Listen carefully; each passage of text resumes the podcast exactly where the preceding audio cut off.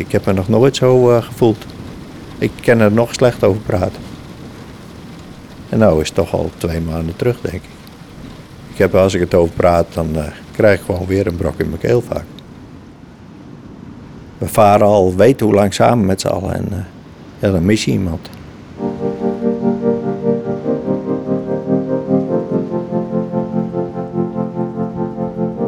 Man overboord. Als iemand aan boord dit roept, is de nachtmerrie begonnen. Je gaat zoeken omdat je moet, maar ja, in zulke hoge golven, een hoofdje is zo klein in die golven. Dat is uh, een speld in een hooiberg wat je zoekt. En uh, ja, we gingen er gewoon vanuit dat hij weg was al. Dit is Sterk Water, een podcast met verhalen van Terschelling. Aflevering 2, Man overboord. Het was heel slecht weer, het windkracht 7 8. Het regende, precies in een bui was het gebeurd. Dit is Walter, kapitein van het schip The Friendship. Hij is een van de paar honderd zeevaarders die op de Schelling wonen. In de nacht van 10 oktober 2016 begint er voor Walter en zijn bemanning een nachtmerrie.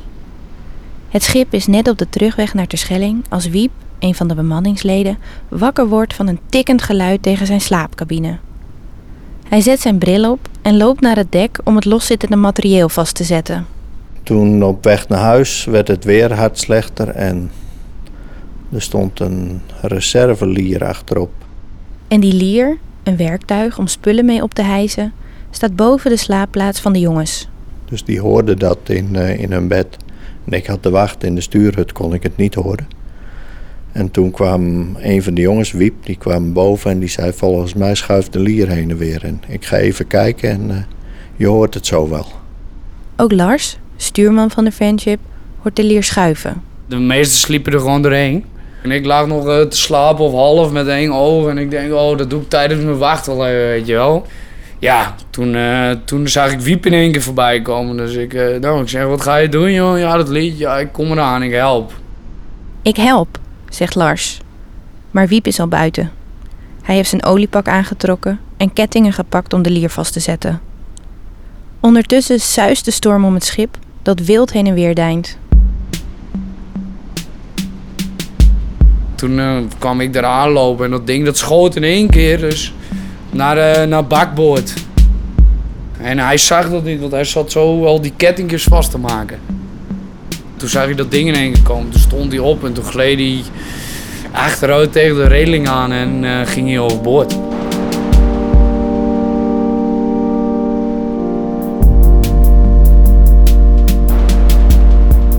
Wanneer iemand overboord slaat, moet als eerste de bemanning worden gewaarschuwd. Lars geeft een paar flinke schreeuwen onderaan de trap van de stuurhut. Walter zet het schip in zijn vrij, drukt de knop man overboord in, zodat de precieze GPS-coördinaten worden vastgelegd. Dan rent hij naar het dek en vraagt hij of hij het wel goed gehoord heeft en er echt iemand overboord ligt. Toen mij eindelijk duidelijk was dat er iemand overboord was, ja, dan slaat de schrikje om het hart. En de jongen die overboord is geslagen, was niet alleen een bemanningslid. Het was ook een schoonzoon van me. Maar ja, op zo'n moment is dat nog niet eens, besef je dat nog niet eens. Een van de jongens ligt in het water. Intussen zijn de andere bemanningsleden wakker gemaakt en staan ze met z'n allen langs de reling naar Wiep te zoeken. Terwijl de jongens heel hard Wiep schreeuwen, in de hoop op een reactie, staat Walter in de stuurhut. Alleen. Hij voelt zich machteloos. Ja, je wil aan de reling staan, je wil, je wil meezoeken, maar je, ja, je kan niet bij de hendels weg. Je moet het schip manoeuvreren en op zo'n moment dan is het, uh, ja, dan slaat echt de paniek toe. Want je denkt gewoon, hij is weg, die, is, die, die zijn we kwijt. Dat is, die kans is zo klein dat je iemand terugvindt in zo'n kolkende zee. Als je dat water ziet bij nacht, in de regen, het woeihard, je kon kwalijk met elkaar praten aan boord. Zo'n zo uh, lawaai geeft de wind op zo'n moment. En uh, toen hoorde ik een van de jongens roepen stillers, want ik hoor wat roepen. Ja, dat was wel een moment van de glorie natuurlijk. Godverdomme, toen waren we ook blij natuurlijk dat we in ieder geval alleen zijn stem hoorden. Ja, toen hadden we hem nog niet gevonden. toen hebben we gecommuniceerd waar hij ongeveer zou liggen. Maar ja, dat was ook natuurlijk, het is een noodsituatie. Daar, achteruit. En eh, ja, toen zagen we in één keer, kwam hij daar aan uh, gezwommen. Met, uh, met zijn brilletje op.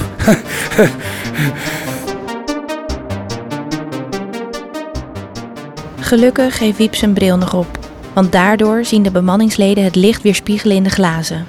Maar ja, dan begint het pas. Hoe, kom je, hoe krijg je zo'n jongen uit het water weer aan boord? Daar moet Walter hard zijn best voor doen. Want Wiep moet niet onder het schip komen.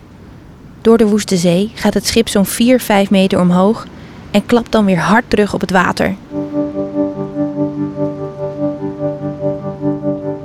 Op een gegeven moment kregen we de boot kregen we er behoorlijk dichtbij en uh, we kregen hem aan de zijkant. En ja, toen de grootste jongen die we aan boord hebben, de sterkste Dennis, die ging op een ladder staan en die pakte hem tussen de golven zo uit het water met golven van 4 meter. En uh, ja, toen hadden we hem weer. En toen lag hij, uh, hadden we hem aan dek in de zij lag hij. Het enige wat hij nog zei, wat ben ik blij. Ik zei, nou je wil niet weten hoe blij wij zijn.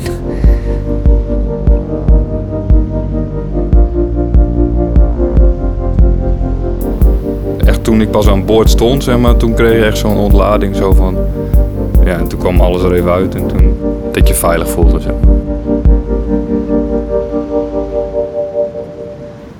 Gelukkig komt het niet vaak voor dat er iemand overboord slaat.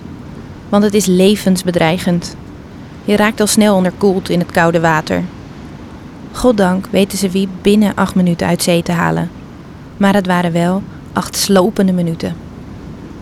Je kan bijna geen adem halen. Je verkrampt helemaal. Dus dan ben je eerst proberen een beetje lucht binnen te krijgen. En met dat ik daarmee bezig was, zonk ik af omdat mijn hele oliepak vol liep. En ik heb mijn oliegoed heb ik mijn lazen aangetaped, dus vandaar dat het water er niet uit wou. Dus daarom zonk ik. Toen heb ik onder water heb ik mijn oliepak uit kunnen krijgen, gelukkig. En toen kwam ik weer boven. En dan zie je zo het schip wegvaren. En toen weet ik nog wel dat ik heb gedacht, zo gaat het niet gebeuren. Mijn zoon gaat niet zonder vader eh, groot worden. Dus toen ben ik als een idioot ben ik richting het schip gezwommen. Ja, er komt een soort oerkracht, denk ik, of zoiets. Iets in die geest moet het wezen.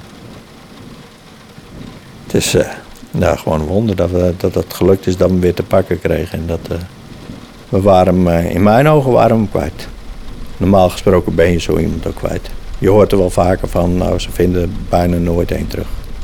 En het is, ja, het is niet te hopen om dat ooit nog eens mee te maken. Toen Wiep uit het water is gehaald en onder de douche is gezet, is Walter weer naar boven gegaan. Ik ben in de stuurhut gaan zitten, helemaal verslagen. Ik heb koffie gezet en ja, ik heb voor me uit zitten staren. Ik heb zelfs met de gedachte gelopen van ik stop met varen. Om gewoon, uh, ja, om dat niet mee te hoeven maken in de eerste instantie. Maar ja, het slijt weer langzaam en... Uh, ja. Het lijkt erop dat het Walter meer heeft gedaan dan Wiep. Hij heeft een anderhalf uur bij me gezeten. En hij ging op bed en had lekker geslapen. Nou, ik kon niet slapen meer. Dus ik had zo'n idee. Ik denk, nou, hij heeft er niet veel last van. Maar ja. Ik heb uh, drie dagen niet geslapen daarna. Volgens mij heb ik de hele terugweg heb ik, uh, in de stuurhut gezeten. Ik hoefde niet op bed, ik kon niet slapen. Ik kon, uh, als ik mijn ogen dicht deed, zag ik het voor me. Dus was op plaats, ik had pijn in mijn nek, alles omdat ik zo lang op was. En aan de andere kant zou je zeggen, je hebt echt veel geluk gehad. En dan moet dat ook weer beter slijten. Want als je echt weg was geweest, maar ik weet het niet. Het was even goed, uh, ja. Ze varen de haven binnen, langs het Zeelieden-monument. Een beeld van een vrouw die over zee tuurt. Het staat symbool voor alle Terschellingers die door de eeuwen heen op zee zijn gebleven. Ondertussen staat het zoontje van Wiep al op hem te wachten. Hij stond op bekant toen we binnenkwamen. En toen heb ik hem even goed stevig vastgepakt. Ja, dan doe ik dat normaal ook. En er goed bij nagedacht dat het nog kan. Ja. Ik denk dat hij er weinig van meegekregen heeft. Maar dat is ook maar beter denk. Alleen hij heeft het af en toe wel eens gehoord. En toen heb ik wel eens gezegd van ja, papa is even wezen zwemmen of zo, maar uh, er geen ding van gemaakt. Dus ja, die jongen is ook nog maar vijf vanzelf. Dus kijk, ik ga nog weer vaker naar zee en als hij denkt dat je daar vanaf kan spoelen. Ik, ik wil niet dat hij in een rat zit als ik wegga of zo. Eenmaal terug kreeg Walter de gebeurtenis maar niet uit zijn hoofd. En het lukte hem ook niet om erover te praten. Ja, we waren al even thuis, toen wist nog niemand het. Ik, uh, ik kon de moed niet opbrengen om het te vertellen. Dus, uh, en waarom weet ik niet. Ik, ik kon het er gewoon niet uitkrijgen. Ik ontliep iedereen de eerste dagen. Ik wou het gewoon niet vertellen. Ik ging nergens heen opdat ik het maar niet hoefde te vertellen. Iedereen wist het eigenlijk al op het eiland op, op dat moment. Maar ja, ik dorst nergens heen te gaan, want ik denk dan iedereen vroeg ernaar. En uh, ja, ik kon het gewoon niet vertellen. Ja, ik ben toch iets banger voor de zee geworden, denk ik. Ik ben hier echt van geschrokken. Dit is de eerste keer dat ik echt geschrokken ben op zee. Nog nooit eerder meegemaakt zoiets en uh, ja, ik hoop dit ook nooit meer mee te maken. Dit is het ergste wat je overkomen kan, denk ik. Omdat we echt geloofden dat we hem kwijt waren. En ja, dan vind je hem toch weer. Ja, dat is het, het mooiste wat me ooit overkomen is. Het rotste en het mooiste.